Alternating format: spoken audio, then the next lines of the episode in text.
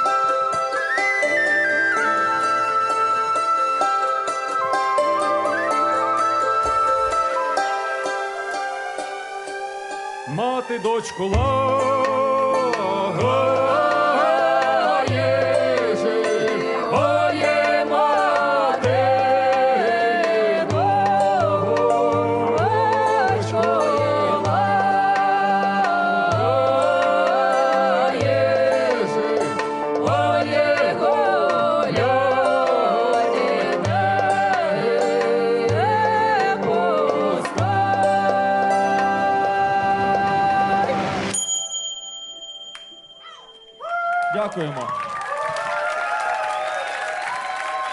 Дякуємо.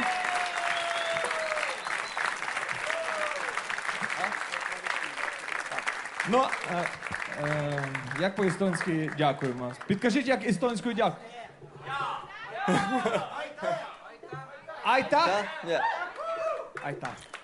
So our next song is about hospitality. Like imagine you have two ladies uh, which uh, well invited each other and trying to make some some food. Друзі, насправді е, out, ну, o- out of the sparrow, of the small sparrow, they're trying to, to, to make a big table with a lot of dishes. це пісня про українську гостинність.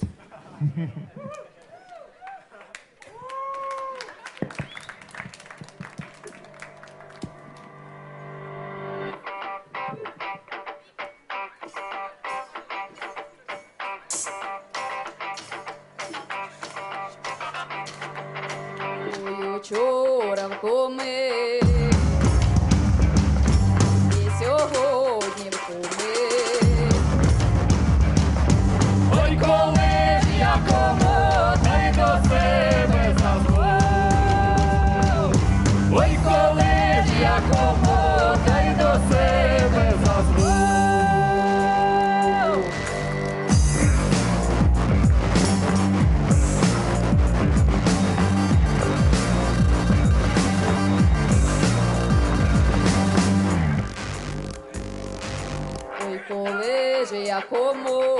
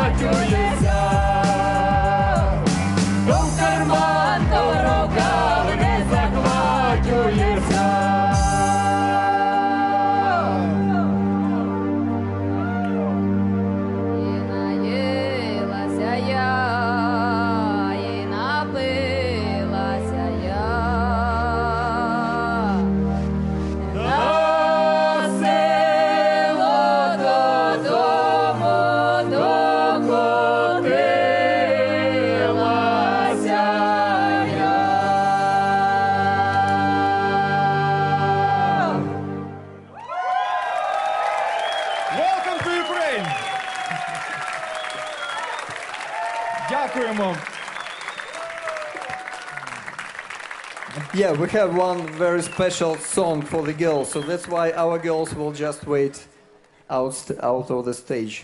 And Uh, this song will be performed by our boys, pretty boys. I hope you're pretty, right? uh, for girl.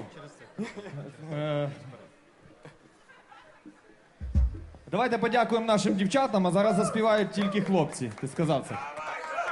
Добре, все. Цю пісню ми присвячуємо всім дівчатам і жінкам. For women, for Dedicated to girl, all tall girls, ladies, grandmas, grand, які є тут. all grandies.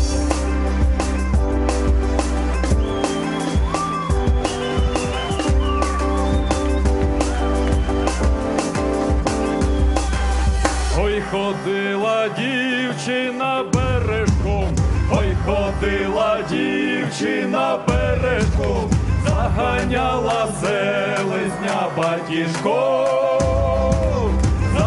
заганяла селезня батіжком.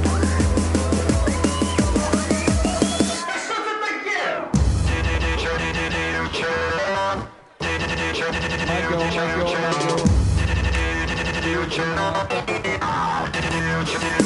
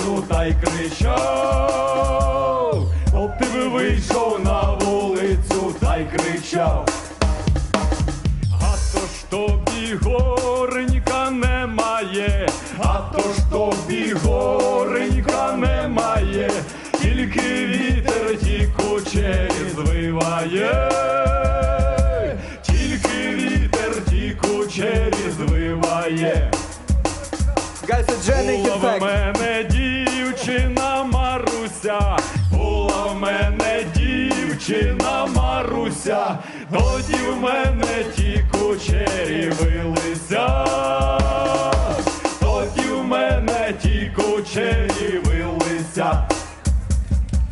А як стала дівчина Варвара, а як стала дівчина Варвара, кучері вирвала. Вона ж мені ті кучері вирвала. We love all of you who are present here or not. But Always remember that. Е, Наступна пісня завжди в Україні співається, коли хочуть випити. Ем, Yeah, it's it's about uh, maybe vodka, maybe some strong drinks and funny situation about that. We of course never promote that. It's just like uh, ну. yeah, funny Але situations. завжди дівчата ну, просили перші, мов, ну налийте, давайте вже щось вип'ємо, погуляємо. Ну от і у нас дівчата теж попросять.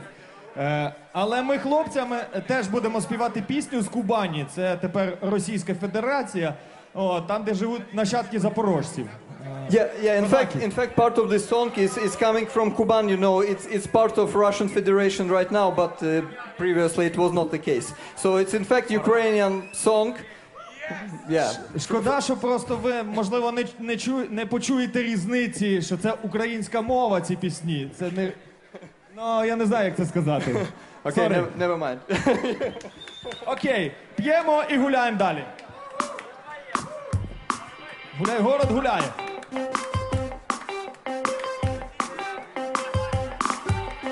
Горілочка сивуха, люблю тебе пити, та й не люблю сивуха, за тебе платити, та й не люблю сивуха, за тебе платити. Горілочка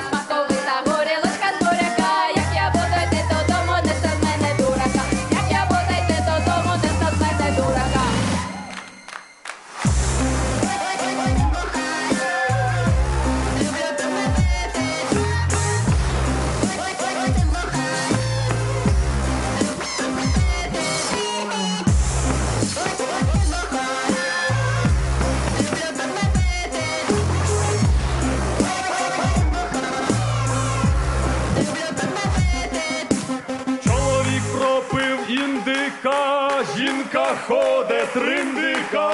Чоловік пропив індика, жінка ходить триндика. Ой, жінко, покаймось, ходім додому, порадимося. Ой, жінко, покаймось, ходім додому, порадимося. Може, ще що проп'єм.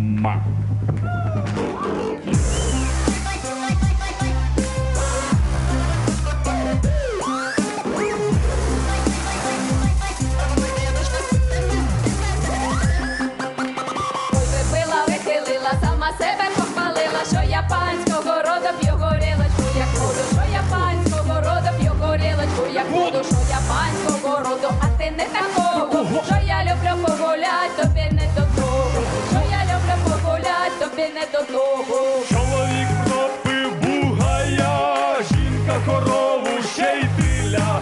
Чоловік пропив бугая, жінка корову ще й тиля.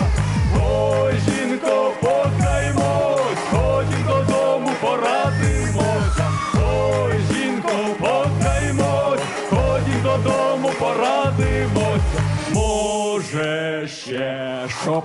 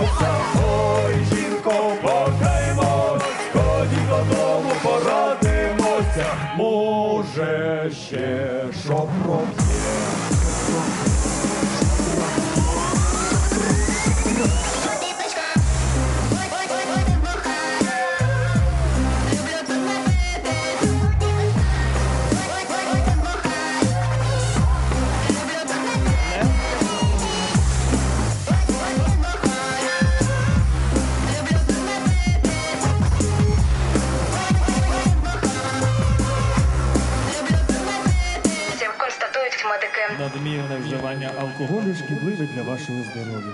Споживайте відповідально.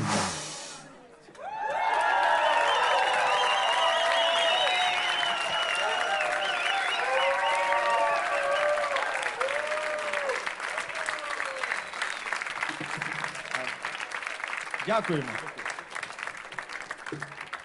Е, Друзі, ну наступну пісню е, ми заспіваємо всім тим, хто е, змушений їздити на заробітки з України. Це фактично трудові емігранти, це називається. І тому Yeah. Uh, the, the, this song is maybe uh, uh, Ukrainian specific, is dedicated to many people. Uh, but there are a lot of families, in fact, uh, that uh, uh, pe- people are forced to leave Ukraine uh, and work elsewhere. So it's a pity situation, you know. ну, цю пісню ми присвячуємо всім нашим українцям, які є за кордоном, а не вдома. yeah, it's just dedicated to all Ukrainians that are that are abroad. Yeah, and maybe here.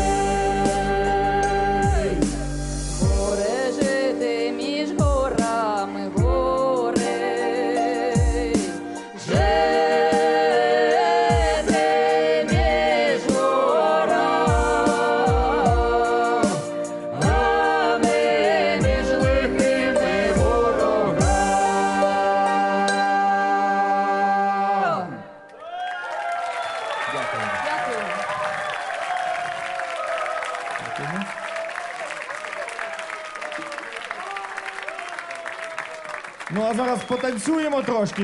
Потанцюємо денс? Є? Yeah, let's Та dance. український танець Орлиця. Танцюємо it's- разом. It's ancient Ukrainian dance called a she eagle, not he eagle, but she eagle, Orlitsa.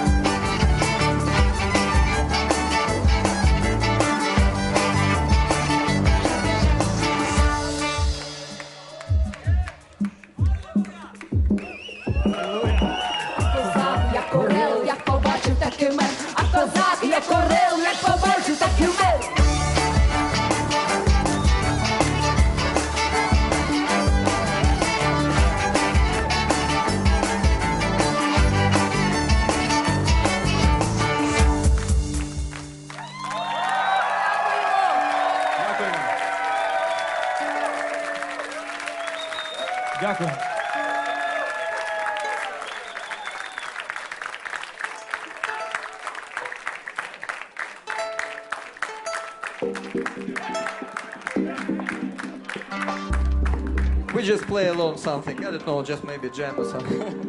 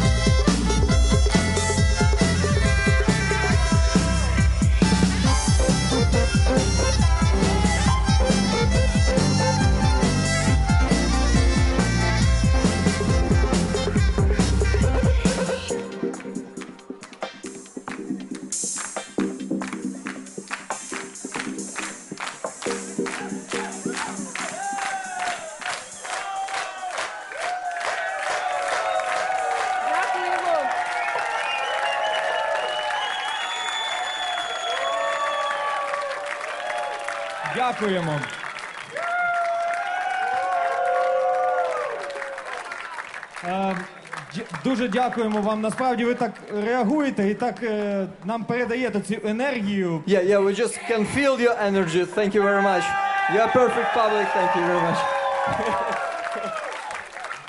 А наступна пісня це буде пісня весільна, яку співають тільки винятково дівчата. Це пісня, коли у батька на- коли у дитини немає батька. Yeah, yeah, yeah it's, it's, it's a wedding song, but uh, it's not actually. Um, uh, uh, it- it's a sad song, uh, despite the fact it's wedding, because uh, uh, it's it's when uh, the the yeah. Я- я не помню, как называется. Okay. Yeah, the, the, the, there is no father, so the, it's it's a bit. Yeah.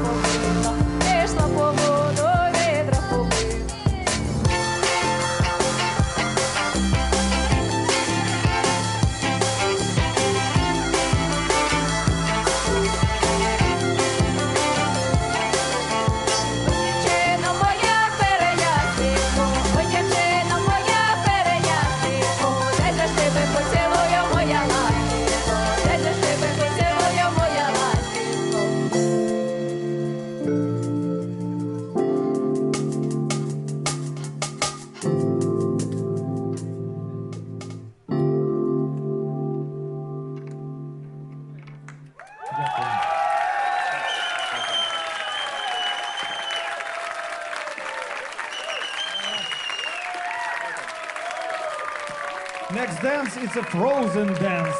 Very, very uh, cool, cool, cool. No. Метелиця. Давній український танець. Крутимось, дуже гарно так крутимось і ніби створюємо таку метелицю. Yeah, we have a lot of different Ukrainian dances, so that's the next one.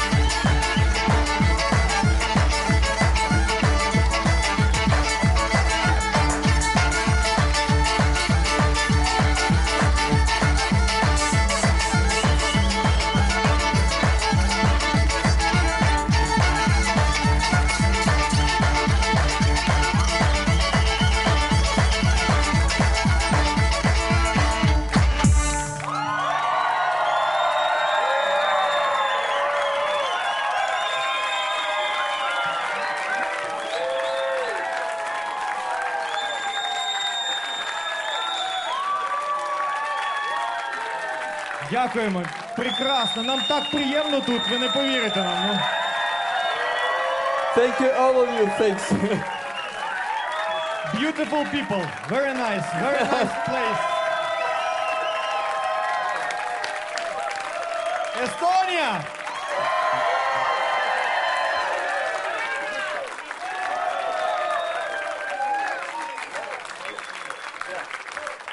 Our, our next, next track, I, I would say it's quite interesting because it was made in collaboration with some producer from Brooklyn. So, un- unfortunately, we were not able to bring with us with this black guy, you know. But you will hear him, okay?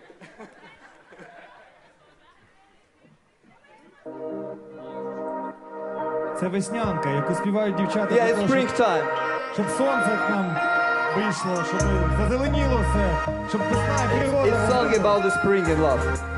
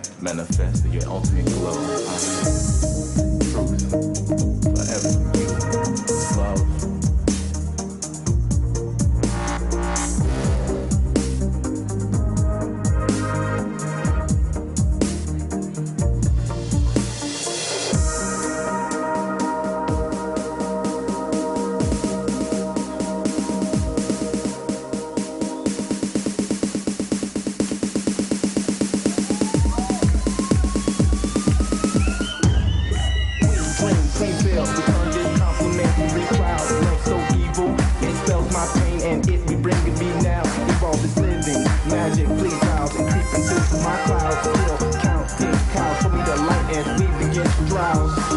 Speaking with senses of rain, I am seeing the sound. Stand with me as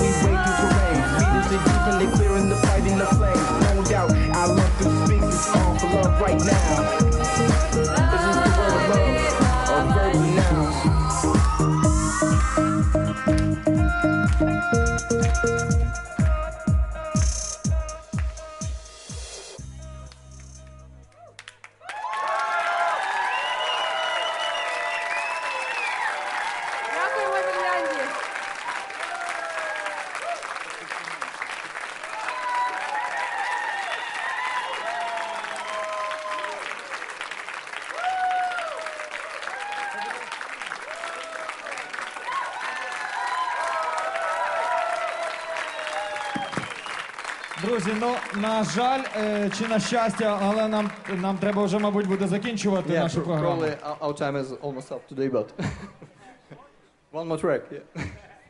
One more. А, а, давай розкажемо, що треба співати. Рано, рано. Дівчата, давайте е, приспів. Е, в цій пісні треба співати разом з нами. Вам, з нами. Yeah, yeah. Please, please sing with, with us what, what you hear. Just repeat and, Ой, рано, рано через дорожку. Ой, рано, рано через дорожку. Слухайте уважно і кожен раз підспівуйте. Ой, рано, рано. Завжди. Ой, рано, рано. Супер. Ого!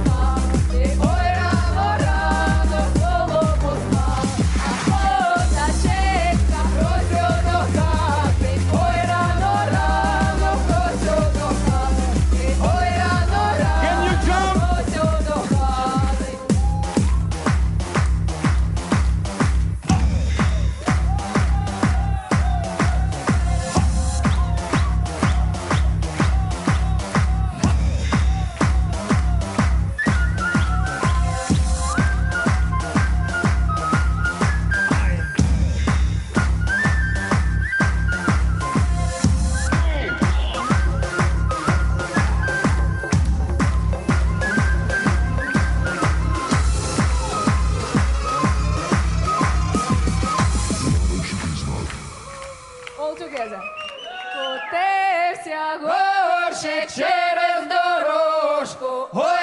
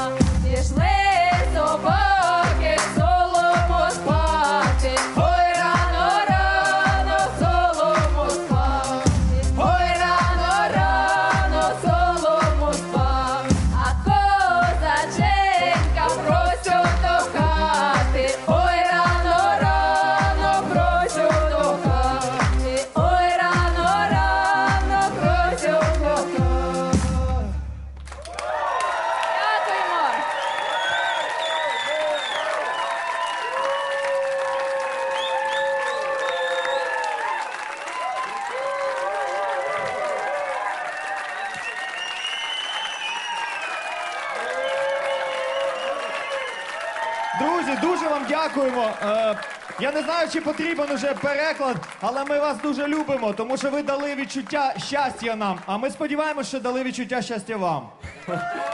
You, you gave us, you know, the feel of happiness because it's uh, very important for, for all the players, you know. So, so to feel all of you, and uh, we have a good tradition. Uh, we, we always think at, uh, at the end uh, the uh, long uh, years, uh, prosperous years for everybody who present here. So it's just a cappella. Дякуємо і хочемо вам всім е, за давньою українською традицією побажати. Так, ну бажаємо вам всім. I already told that. Ой, у саду вишневому, ой, у вишневому, там пташки поють, там пташки поють, ой, там наші родителі, наші приятелі, медгорілку п'ють, медгорілку п'ють. А хазяїн наливає,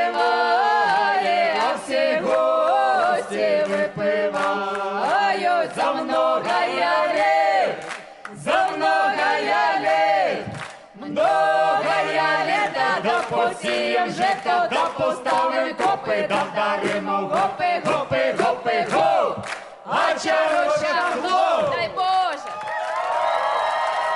Дякуємо. Thank you very much. You are the best public audience.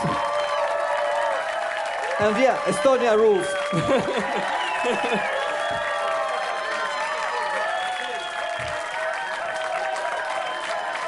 Yeah, by the way, uh, uh, gu- gu- guys will have another performance in a day after tomorrow. They will have the pure folk uh, performance, like with violins. Uh, yeah, traditional, without any drums or something, you know, without any noise.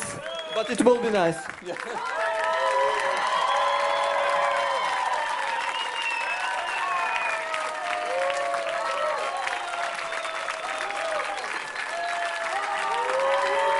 Hope to see you soon, all guys. Thank you.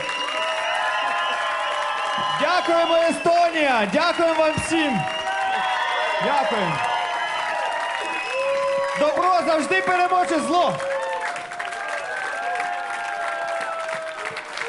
Дякуємо, на все добре, доброї ночі вам і всього вам найкращого. Всяких гараздів і много еліта. Дякую.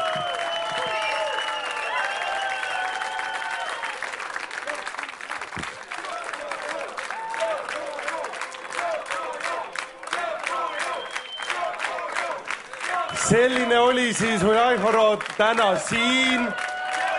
aga nagu nad ka ütlesid teile, nad äh, laulavad juba laupäeval veel.